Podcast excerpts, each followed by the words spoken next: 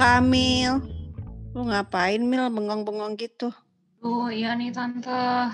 Ini kan 2021 nih Tante. Bucket list aku tuh pengen cari kerjaan. Tapi pengennya yang anti mainstream gitu ya Tante. Yang nggak di uh, meja hmm. di depan komputer. Terus yang bisa lihat sambil outdoor. Bisa lihat uh, pegunungan-pegunungan gitu. Gimana ya Tante?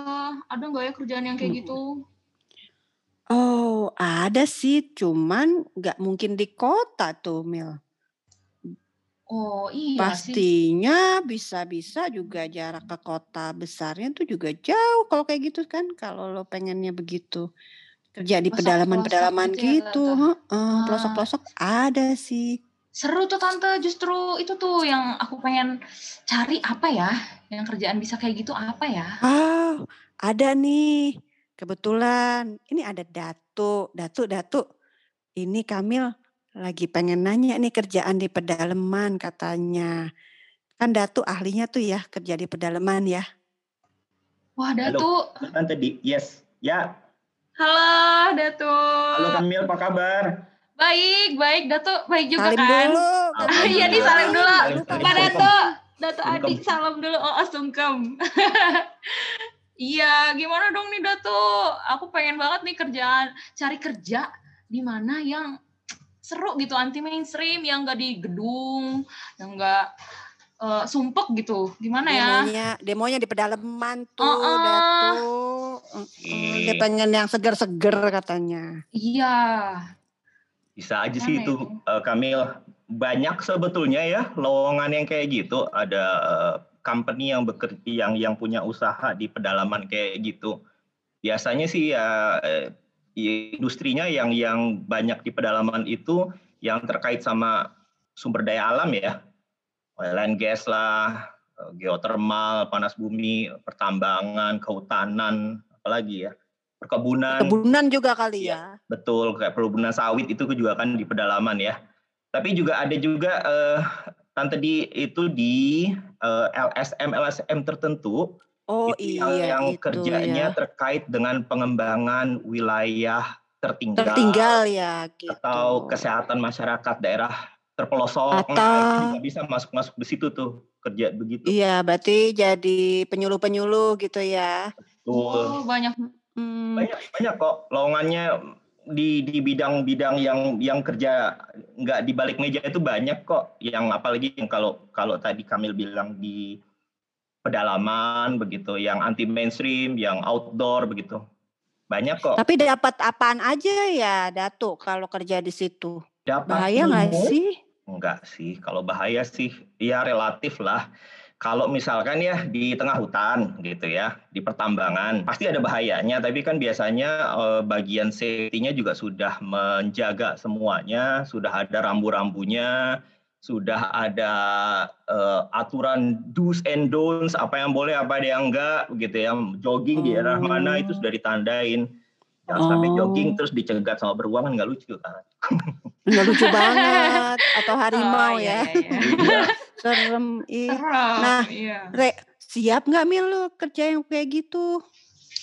Wah, siap sih Tante. Seru banget Yakin sih kalau bisa kayak gitu. Nggak ngeliat kota loh. Terus nggak ada bioskop.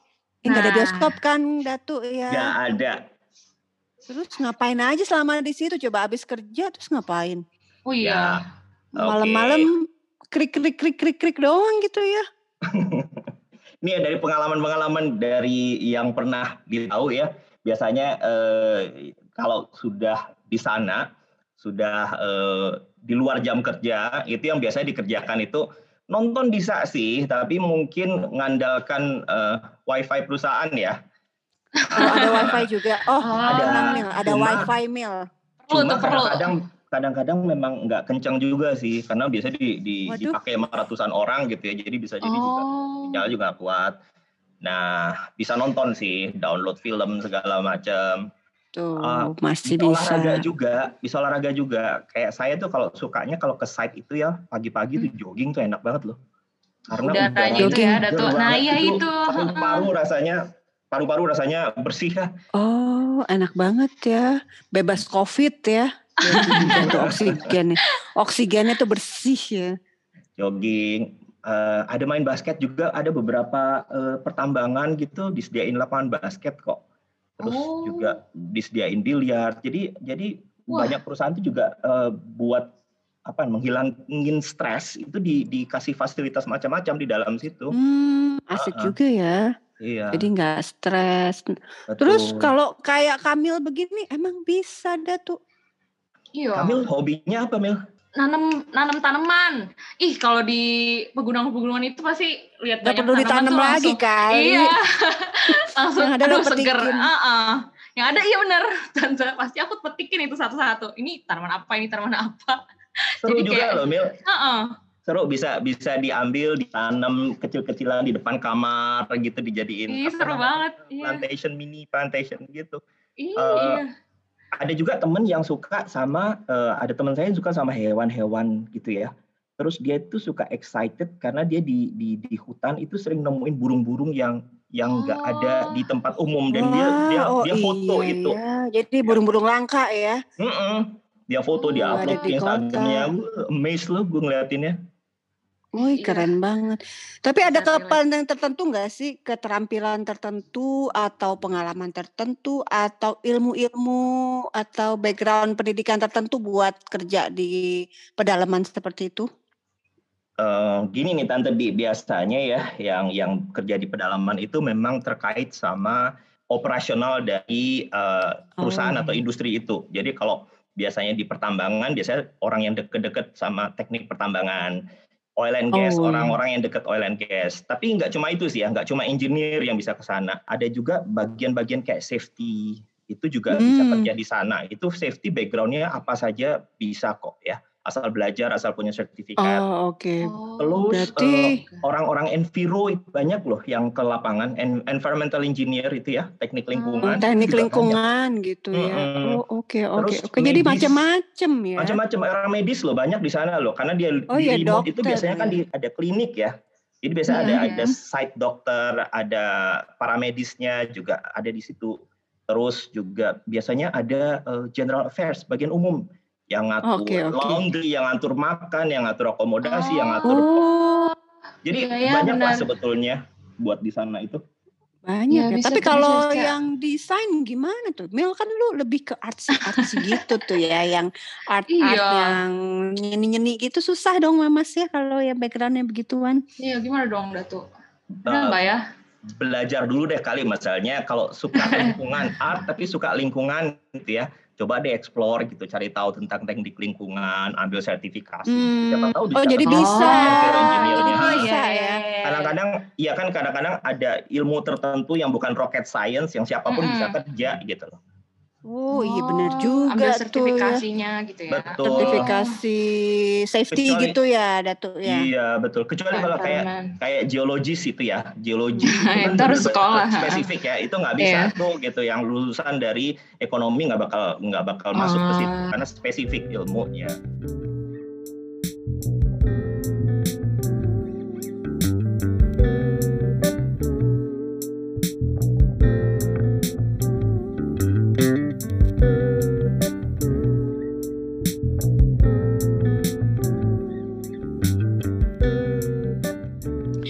Kalau akuntan-akuntan gitu juga masih bisa dong ya. Masih bisa ya? masuk ya? ke bagian general affairs atau mungkin oh. juga ada oh. bagian keuangannya di lapangan. Kadang-kadang ada juga loh. Kayak tambang batu bara itu biasanya ada operasionalnya besar ya.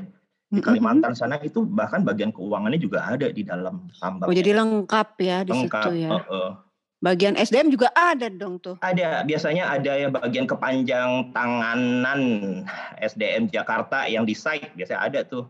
Oh, oke oke oke. Terus juga ini ya, biasanya yang pasti ada tuh yang aku tahu itu benar nggak ada tuh harus ada orang kayak apa sih yang harus ada hubungan sama masyarakat oh, sekitar oh, ya, tuh namanya betul, apa? Betul sekali. Itu community relations oh. atau apa social corporate social development activity oh. CSR begitu corporate social CSR, ya? responsibility. Ya? Itu bisa juga tuh ya orang-orang desain juga, juga gitu. ya. Nah, itu bisa tuh masuk ke misalnya uh, kayak tadi Kamil kan sukanya art kemudian misalnya hmm. suka interaksi sama orang, suka develop program hmm. ini, itu bisa belajar ke arah uh, community relations, community relation. uh, karena oh, itu menarik loh, bisa mengembangkan skills penduduk, bisa mengembangkan, memberdayakan penduduk di sekitar dan lain-lain.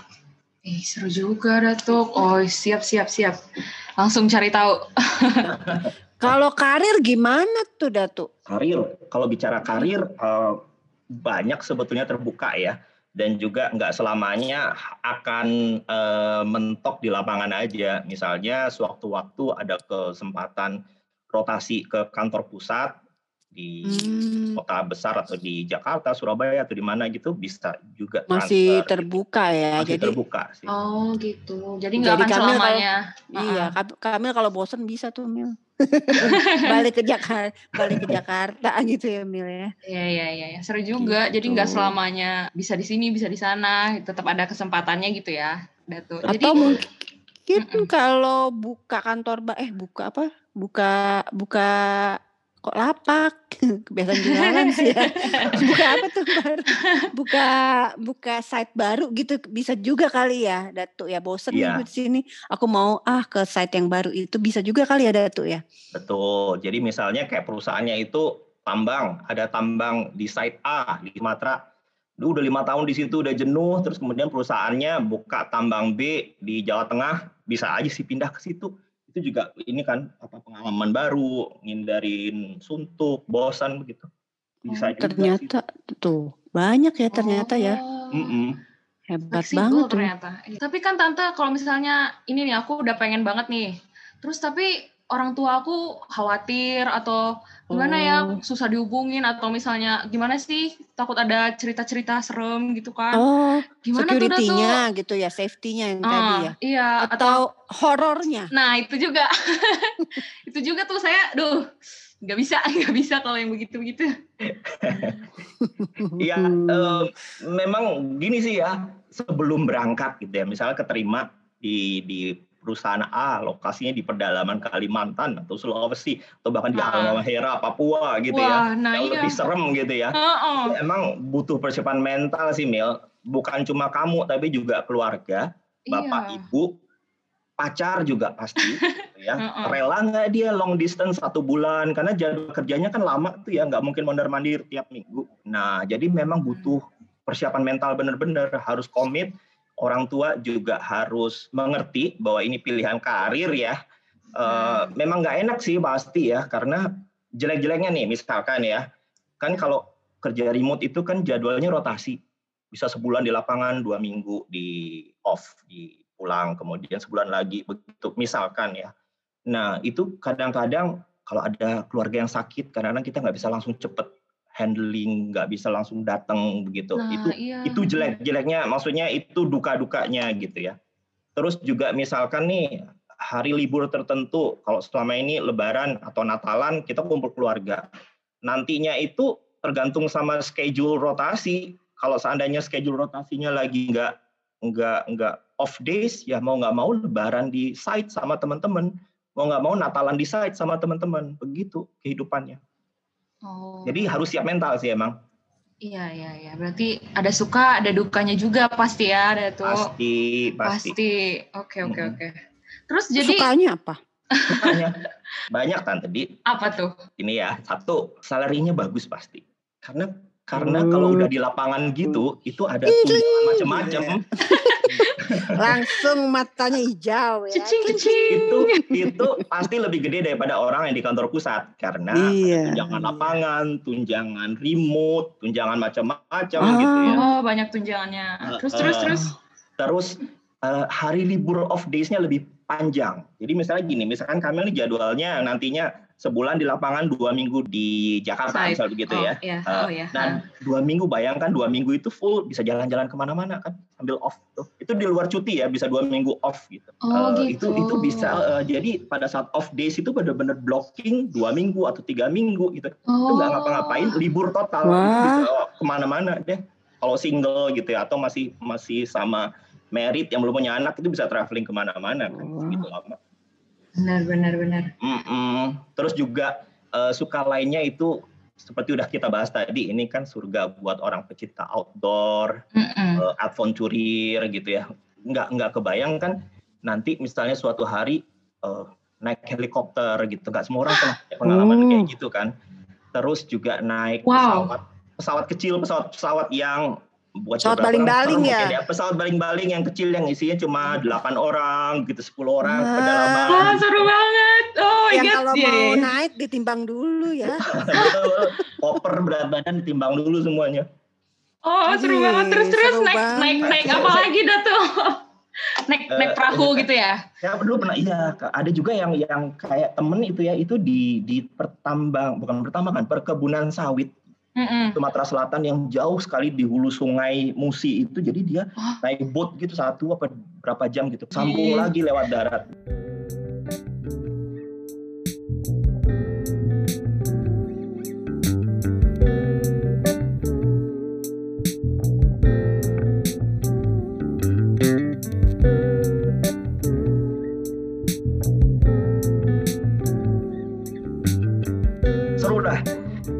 Perjuangan pengalaman. Saya dulu pengalaman saya itu mm-hmm. saya pernah kerja di di oil and gas yang lokasinya di Aceh. Jadi Jakarta Medan kita naik pesawat biasa dari Medan ke site-nya itu itu ada pesawat charteran. Langsung mendarat di dalam dalam site kita. Nah, waktu itu tuh saya harus pulang ke Jakarta tapi nggak dapet seat penuh gitu. Jadi jadwal pesawatnya itu tiap hari sekali cuma. Jadi hmm. harus nunggu dua hari lagi. Tapi terus kemudian ternyata ada pesawat dadakan yang harus membawa mengembalikan orang yang baru sembuh dari sakit oh. dari Medan.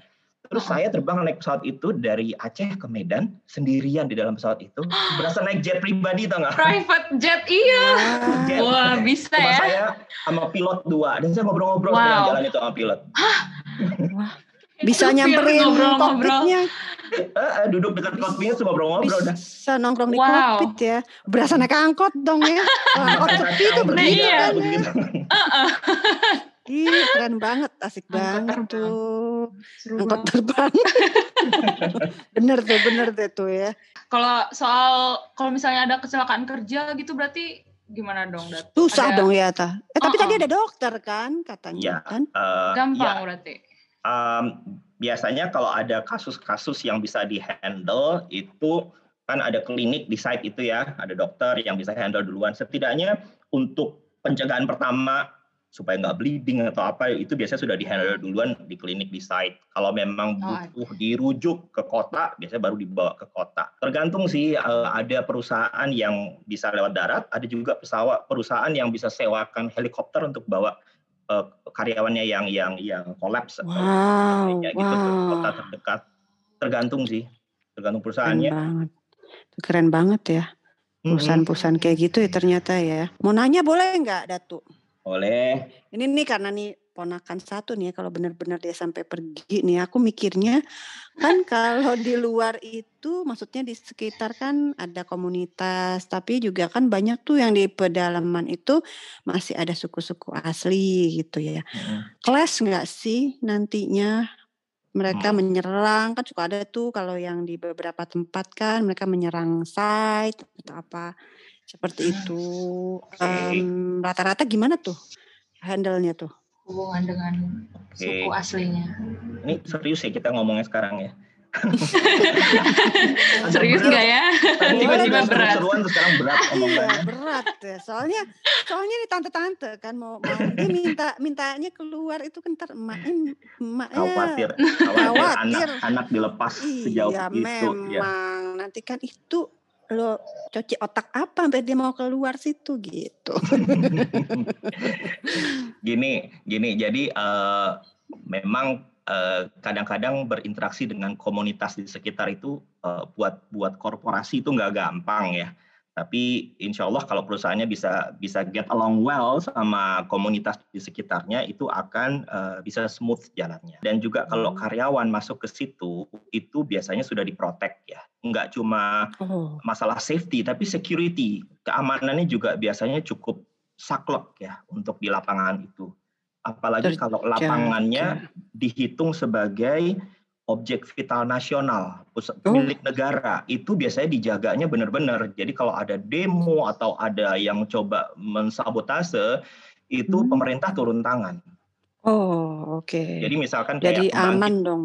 Betul, kayak pembangkit listrik eh, yang di pedalaman yang geothermal atau oil and gas begitu ya, itu biasanya dihitung sebagai objek vital nasional itu itu uh, negara punya, punya uh, kewajiban hmm. juga untuk menjaga. Wah, jadi udah secure oh. pasti dong ya, udah aman Insya Allah tuh ya. secure lah. Mm -mm. Hmm. Tapi lega, ada resiko ya, nggak nggak indah, dong. aja. Mm -mm, ada resiko cuma ya, sudah ada mitigasinya. Jadi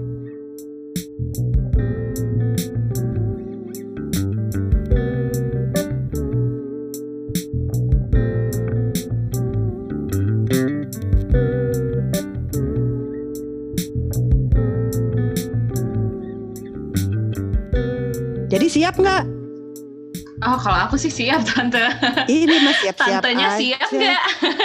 Aduh. kalau aku pergi, dadah. tapi tapi katanya gaji gajinya gede ya. Jadi tante sih uh, ya asal kebagian aja sih. Ya udah deh. Cing cing. Cing cing gitu. Apalagi apalagi tadi kan di luar cuti ada ada Oh iya libur, ada liburnya uh, panjang. panjang. Oh, itu ya. keren banget tuh asli ya. Kalau itu tante ya, tante bisa lupa balik tuh nggak? Kalau nggak dipanggil-panggil tante, iya. nggak balik, nggak tahu nggak balik itu kan. Iya. Keren. Jadi kesimpulannya tuh memang kalau di tempat di pedalaman atau remote area itu uh, ada suka dan dukanya pasti ada. Memang beda ya Datu ya dari bekerja di kota besar atau kota-kota lainnya. Tapi uh, trade off-nya juga ada gitu ya Datu ya. Betul sekali. Jadi memang uh, ada plus minus uh, trade off-nya juga banyak uh, dan perusahaan biasanya juga membantu untuk uh, karyawan itu bisa meminimize lonely atau stres saat di pedalaman itu gitu. Oh, dengan berbagai macam hiburan dengan itu ya. Dengan berbagai macam cara dan upaya begitu. Hmm, sebenarnya mau nanya sesuatu cuma ah, jangan ah jangan di sini deh. Ada anak kecil. Offline, offline aja. aku keluar dulu apa ini? Pokoknya gini apa deh gini aja deh ya Kamil. Kamil yeah. akses aja Kamil sendiri uh, diri Kamil seperti apa gitu. Ini buat tante di juga. Uh, iya sih. uh, Kamil tipe yang city girl atau temennya itu city boy nggak gitu? Kalau seandainya pure city girl yang harus tiap hari ke mall tiap oh. hari ngopi gitu-gitu mungkin akan mm -mm. struggling karena di sana nggak ada iya. Eh, nggak ada nggak ada uh, coffee shop nggak ada mall gitu. Uh, itu salah satu contohnya aja. Terus juga bukan tipe yang mudah lonely dan stress. Uh, hmm. tipe yang gampang get along itu akan survive di sana. Tapi kalau seandainya memang tipe yang sangat anak kota yang gampang lonely gampang stress takutnya nggak survive di situ. Iya kalau Kamil doyan lihat lampu terang banyak gitu. Nggak akan survive lo di situ. Biasa terang benerang sampai di sana belok semuanya. Uh, Butter bawa neon ke mana-mana apa bawa center loh kalau emang udah ready boleh dong Datu titip-titip CV gitu ya. Boleh. Lihat-lihat aja intip-intip aja di LinkedIn perusahaan-perusahaan oh. yang yang apa namanya yang bergerak di bidang sumber daya alam atau LSM LSM di bidang mm -hmm. yang saya sebutkan tadi Uh, iya tuh. Itu biasanya banyak tuh lowongan di lapangan. Uh, coba aja apply. Catet. Okay. Udah udah. Siap, Sana siap. buka LinkedIn Gih. Iya, ini udah mm, buka link ini. Sekarang nih, sekarang nih, nih HP HP. Nanti kalau dapat baru mikir ya. kalau dapat baru baru konsultasi sama orang tua sama tante Iya. Iya, semuanya. Baru minta izin sungkem. Yang penting dapat aja dulu ya, gitu ya. Oke, kalau memang Kamil udah mau bikin CV kan ya Kamil ya? Soalnya Tante mau nanya tuh yang tadi sama Datuk lu nggak boleh dengar ya? Ah ya udah, oke okay. deh Tante. Deh. Uh, dadah, aku ke kamar dulu deh.